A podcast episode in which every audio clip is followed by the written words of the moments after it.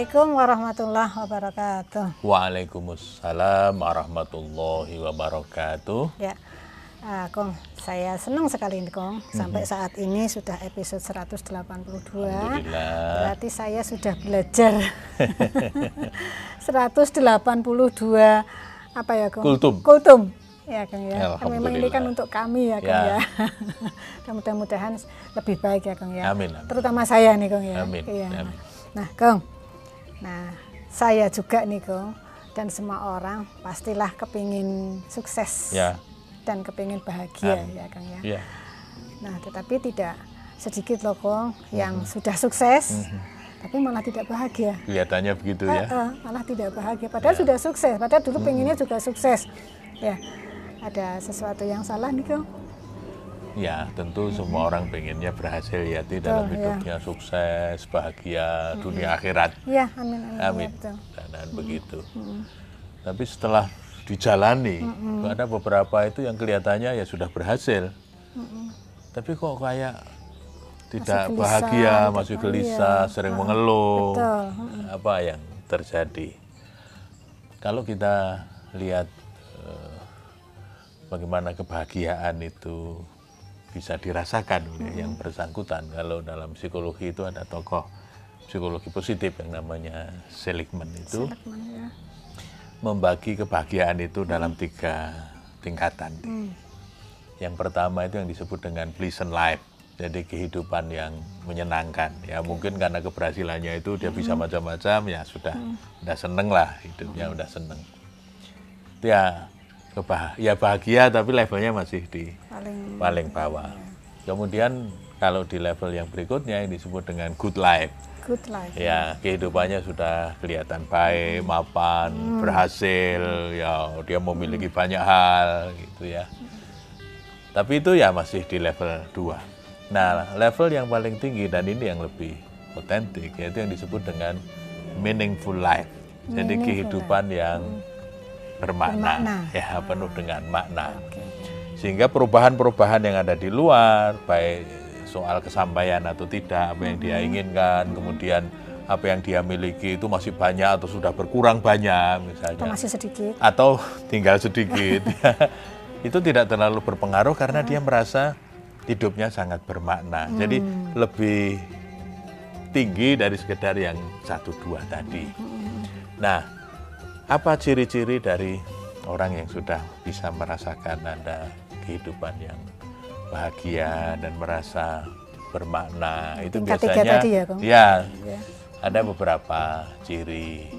Pertama ya kelihatan dari penampilannya itu menyenangkan. Dia lebih banyak tersenyum. Happy gitu ya? happy itu kan kelihatan dari penampilan. Nggak bisa disembunyikan tadi kalau banyak persoalan murung itu kan juga mesti Tampak di tampak di wajah di yang lain bergurau kok dia bengong aja ini mesti banyak masalah yang kedua kehidupannya juga penuh semangat bergairah seperti tidak punya capek gitu loh Hmm. Oke, Di- oke, karena oke, iya. dia seneng melakukan apa pun yang dia pilih itu dengan sepenuh hati Ya, tidak setengah hati ya Iya, sepenuh hati. tidak jadi beban tapi justru apa ya ada ya. seperti panggilan bahwa saya harus melakukan ini dengan sungguh-sungguh. Itu yang namanya penuh semangat.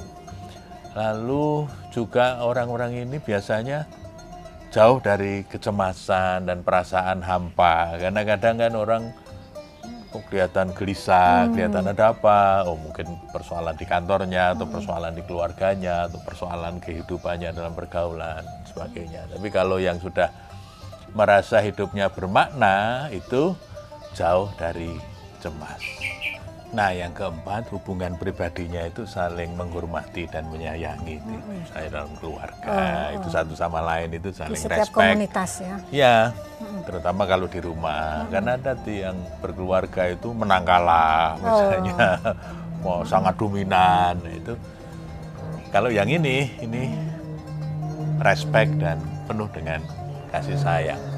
Itu ciri yang keempat. Yang kelima biasanya orang-orang yang sudah merasa happy itu melakukan kegiatan-kegiatan yang dia sukai itu. Jadi mungkin hobi, passionnya di passionnya, situ ya. itu dia tekuni, dia lakukan dengan sungguh-sungguh. Jadi tidak terpaksa melakukan aktivitas itu bukan Dengan karena senang hati ya, terpaksa atau karena ingin apa menunjukkan kepada orang lain enggak tapi betul-betul karena memang dari dalam itu dia passionnya ada di situ nah yang keenam dia punya karya yang bermanfaat apa pun Oh. sekecil apa pun Dari passionnya itu. ya dari passionnya itu kan kemudian dia tunjukkan dia ekspresikan dalam sesuatu yang Action ya, Kang ya. ya nyata, kan Nyata ya. untuk kemaslahatan bersama. Ini kan kemudian dia merasa bahwa hidupnya itu bermanfaat untuk orang lain, tidak hanya untuk dirinya sendiri, untuk keluarganya, tapi juga untuk orang banyak. Nah, ketika dia menghadapi masalah, kan ya semua orang kan pasti Pasti punya ya, masalah, pasti punya nggak mungkin nggak ada masalah. Jadi kalau dia menghadapi masalah, itu itu dia anggap sebagai tantangan dan peluang, sebagai challenge. Iya. Bukan kemudian ya Allah yang kemarin aja belum selesai, ini Sekarang sudah datang datang lagi, lagi. gitu enggak. Tapi setiap kali ketemu masalah dianggap sebagai challenge dan peluang untuk berkembang menjadi Peluang lebih untuk- baik. untuk lebih Ya, baik, untuk lebih- lebih lebih baik, untuk ya. lebih bermakna, Iya, untuk lebih oke, berbahagia. Iya, Ya. itu beberapa cirinya. Ti. Iya. Iya. Nah, dari cerita itu kok, mungkinkah eh, sud- orang yang sudah sukses tetapi tidak bahagia itu dia keliru dalam memandang kebahagiaan, keliru Bisa dalam jadi. memaknai kebahagiaan. Ya, Mungkin dalam gitu, Pak, ya? memandang dunia, Iya. ya kan bisa jadi, bisa jadi begitu ti, karena dia mengira sukses itu segala-galanya, tapi ternyata setelah dia punya banyak, Ternyata- oh, ternyata tidak ada di Tidak situ, tidak selalu begitu, selalu kan gitu. Nah maka Allah mengingatkan dalam surat Hadid ayat 20, jadi Al Hadid ayat 20, Allah mengingatkan begini, ya alamu annamal hayatud dunya laibun walahwun wazinatun wa tafahurum bainakum wa takatsurum fil amwal wal aulad. Jadi Iya, iya. Allah mengingatkan bahwa ketahuilah. Nah, ini yang ngasih tahu Allah ya. yang punya segalanya yang ngasih tahu bahwa kehidupan, di dunia pertama laibun Permainan. permainan. Yang kedua, lahwun itu sendagurawan, guyonan, Guyonan. ya hal-hal yang kadang melalaikan. Yang ketiga, wazinatun, perhiasan. Watafahurum bainakum, tafahur itu berbangga-bangga. Kemudian watakatsuru takaturnya apa? Bil amwal Harta. bil aulad ya kan Di- dia jadi dia berbangga-bangga lalu berlomba-lomba kan sampai kadang-kadang seperti yang disindir di ayat yang lain alhakum atakasur hatta zurtumul makabir. Makabir, iya. kita ngumpulin kekayaan. Wah sampai pun hampir Meninggal. meninggal. Kita masih atakasur berlomba-lomba mencari kekayaan. Alhakum. Ya, sampai kita lupa karena saking asiknya tadi mengumpulkan kekayaan dan sebagainya. Nah, al aulad itu kan anak, Ti. Anak, ya. berbangga-bangga ya berlomba-lomba dengan banyak. Ya dulu orang kadang kalau di zaman dulu itu salah satu status sosial itu kalau anaknya banyak sehingga dia Oh, gitu, bisa oh iya mungkin kalau sekarang bukan anak biologis tapi anak perusahaan Hmm.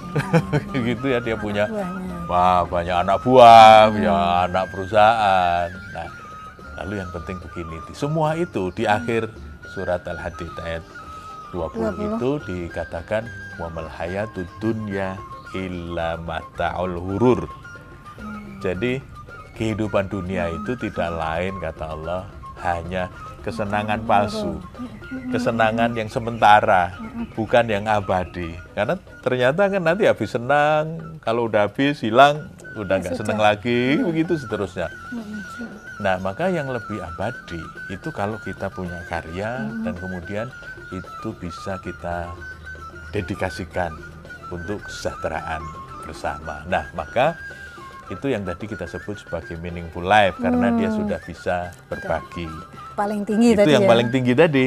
Maka Rasulullah mengatakan khairun nas anfa'uhum linnas itu yang diriwayatkan oleh Tabrani sebaik-baik kita itu kalau kita bisa memberi manfaat yang banyak. Nah, karena kita merasa hidup ini bermanfaat, kan senang sekali kita ya, alhamdulillah betul. ya meskipun tidak seberapa tapi kita kita terus bisa berbagi. Iya, iya. Gitu, Ti. Ya. Nah, gimana nih, Kong? Agar supaya kita itu bisa gimana, Kong? Lebih memaknai. Bisa lebih ya. hidupnya bermakna ya, gitu ya. Kehidupan Aha. ini lebih ya, Kong. Ya. Jadi tidak ukurannya itu tidak tidak iya. ukuran-ukuran yang palsu. Iya, tidak ya, kesenangan palsu. yang iya. palsu. Ya. Apa yang bisa kita lakukan? Pertama, Ti. Hmm. Kita harus tahu what's important sebetulnya hmm. dalam hidup ini apa yang mana yang penting, ya, ya. apa yang kita jadikan prioritas. Hmm, oh ya. Iya kan, hmm. Kalau Allah mengatakan wa ma khalaqtul jinna wal insa illa iya, liya'budun bahwa tujuan kita diciptakan itu untuk beribadah, berarti mari semua yang kita lakukan diorientasikan untuk beribadah kepada Allah. Maka hal-hal yang mendukung ibadah, itu yang kita prioritaskan. prioritaskan. Ya. Nah, itu yang pertama kita harus tahu bisa jadi apa beda yang pintar. orang lain. Ya, Setiap ya? orang pasti tentu beda-beda hmm. sesuai dengan kondisinya masing-masing. Hmm. Yang kedua, setelah kita tahu apa yang penting, itu kemudian kita kejar di apa yang hmm. yang menjadi passion, passion kita iya. itu kita lakukan hmm. dengan sungguh-sungguh. Hmm. Jadi kalau kita sudah punya passion di satu bidang, ya jangan tanggung-tanggung. Ya, lakukan yang terbaik di situ. Nah, mudah-mudahan kita bisa menjadi diri kita yang terbaik di bidang kita masing-masing. Nah, yang ketiga, tujuan hidup kita ini apa sih sebetulnya? Tentukan Kadang gini loh, ya. tentukan tujuan hidup. Kadang di orang sudah sampai setengah umur ketika ditanya tujuannya apa, apa ya, malah ganti tanya sih. Ya itu karena dia belum menentukan tujuannya apa. Misalnya, kalau dia punya tujuan hidup tadi sudah diniati semuanya untuk beribadah dan karena Rasulullah mengatakan sebaik-baik orang itu orang yang bermanfaat bagi orang lain maka bisa jadi dia menentukan pilihan saya ingin menjadi orang yang terus bisa berbagi supaya manfaatnya besar. Berbaginya dari mana ada yang mungkin bisa berbagi harta yeah. kalau iya. memang yang punya rezeki banyak ada yang mungkin ilmu. berbagi ilmu yeah. kalau yang punya sedikit ilmu dan seterusnya yeah. dan seterusnya jadi kita harus bisa uh, menentukan tujuan kita ini mau apa dalam hidup. Apalagi kalau kita mengingat bahwa hidup itu ya tidak lama ya, berapalah usia seseorang itu. Maka kita visi misi ya, ya, isi dengan yang lebih yeah. berkualitas. Nah, karena itu kemudian kita harus fokus nih. Kalau sudah kita tentukan visi misinya tadi ya tujuannya, ya kita harus jaga betul bahwa kita ini tracknya di sini ini. Jalur kita jalur. di sini ya jangan geser-geser. Ya kalau sekali waktu buat variasi ya tidak apa-apa. Tapi jangan kemudian jangan lupa, kita melupakan visi misi ya jadi melupakan apa yang menjadi prioritas dalam hidup kita. Maka kita harus fokus. Nah lalu jangan cuma dipikirkan tapi dieksekusi dilakukan amal soleh itu harus kelihatan action Nah, di situ kita harus melakukan ihsan, melakukan hmm. yang terbaik. Yang terbaik ya, ya. kan, hmm. To do the best we can do. Hmm. Apa pun yang sudah menjadi pilihan kita, coba lakukan yang terbaik. Karena setia, begini. Ya, ya setia dengan fokusnya dan kemudian di situ kita belajar untuk melakukan yang terbaik.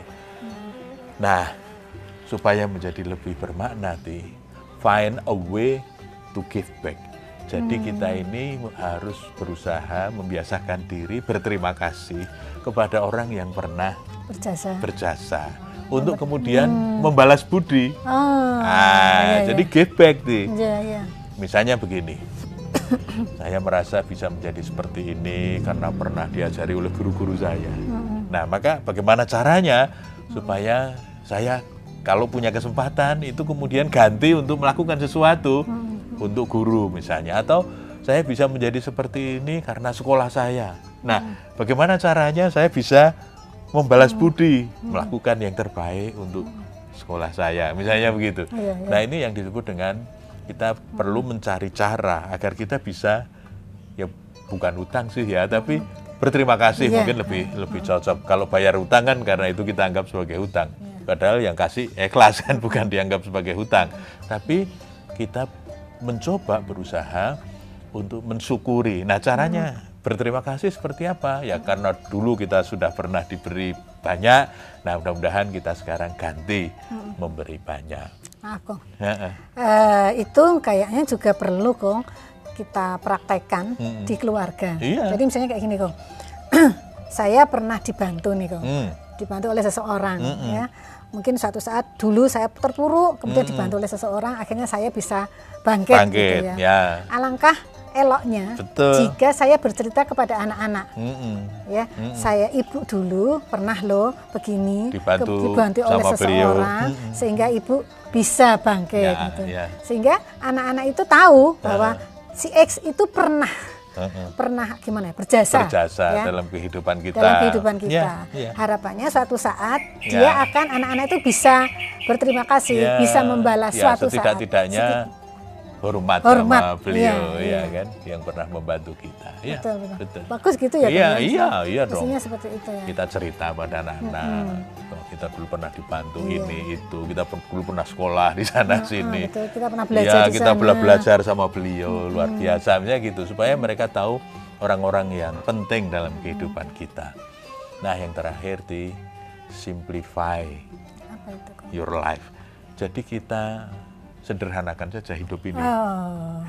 Jadi tidak jangan dibikin rumit. Oh, oh begitu, tidak usah muluk-muluk gitu atau gimana? Anu kadang-kadang orang itu bikin aturan sendiri, oh. yang macam-macam soal hidupnya. Hmm. Saya harus begini, saya harus begitu. Hmm. Yang semuanya tidak tidak selalu penting gitu, jadi. Oh. Maka Mengalir saja gitu maksudnya. Sederhanakan, hmm. tidak usah kalau orang sekarang sering mengatakannya nggak usah terlalu banyak ada, terlalu banyak pernik-pernik oh. yang dibikin jadi hidup ini susah banget misalnya ah. kalau nggak pakai baju bagus nggak bisa keluar. Oh, iya, iya, kalau nggak iya. pakai make up lengkap mm -mm. merasa nggak pede. Gak pede nah, ya. Itu akhirnya, aturannya membuat sendiri. Itu ya, kan kita bikin sendiri. Oh. Padahal orang lain nggak apa-apa lihat kita apa adanya itu juga juga baik-baik saja kok kan gitu.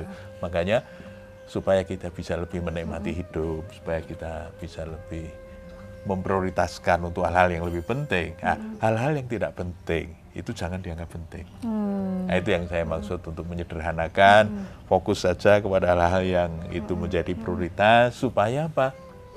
Kita tidak tertarik ke sana kemari hmm. hanya untuk hal-hal yang sebetulnya tidak remeh, terlalu penting. Nah, pemirsa, hidup hanya sekali. Setelah itu mati. Ya. Sayang sekali kalau tidak berarti. Hmm. Lakukan yang terbaik agar terus dapat berbagi. Assalamualaikum warahmatullahi wabarakatuh.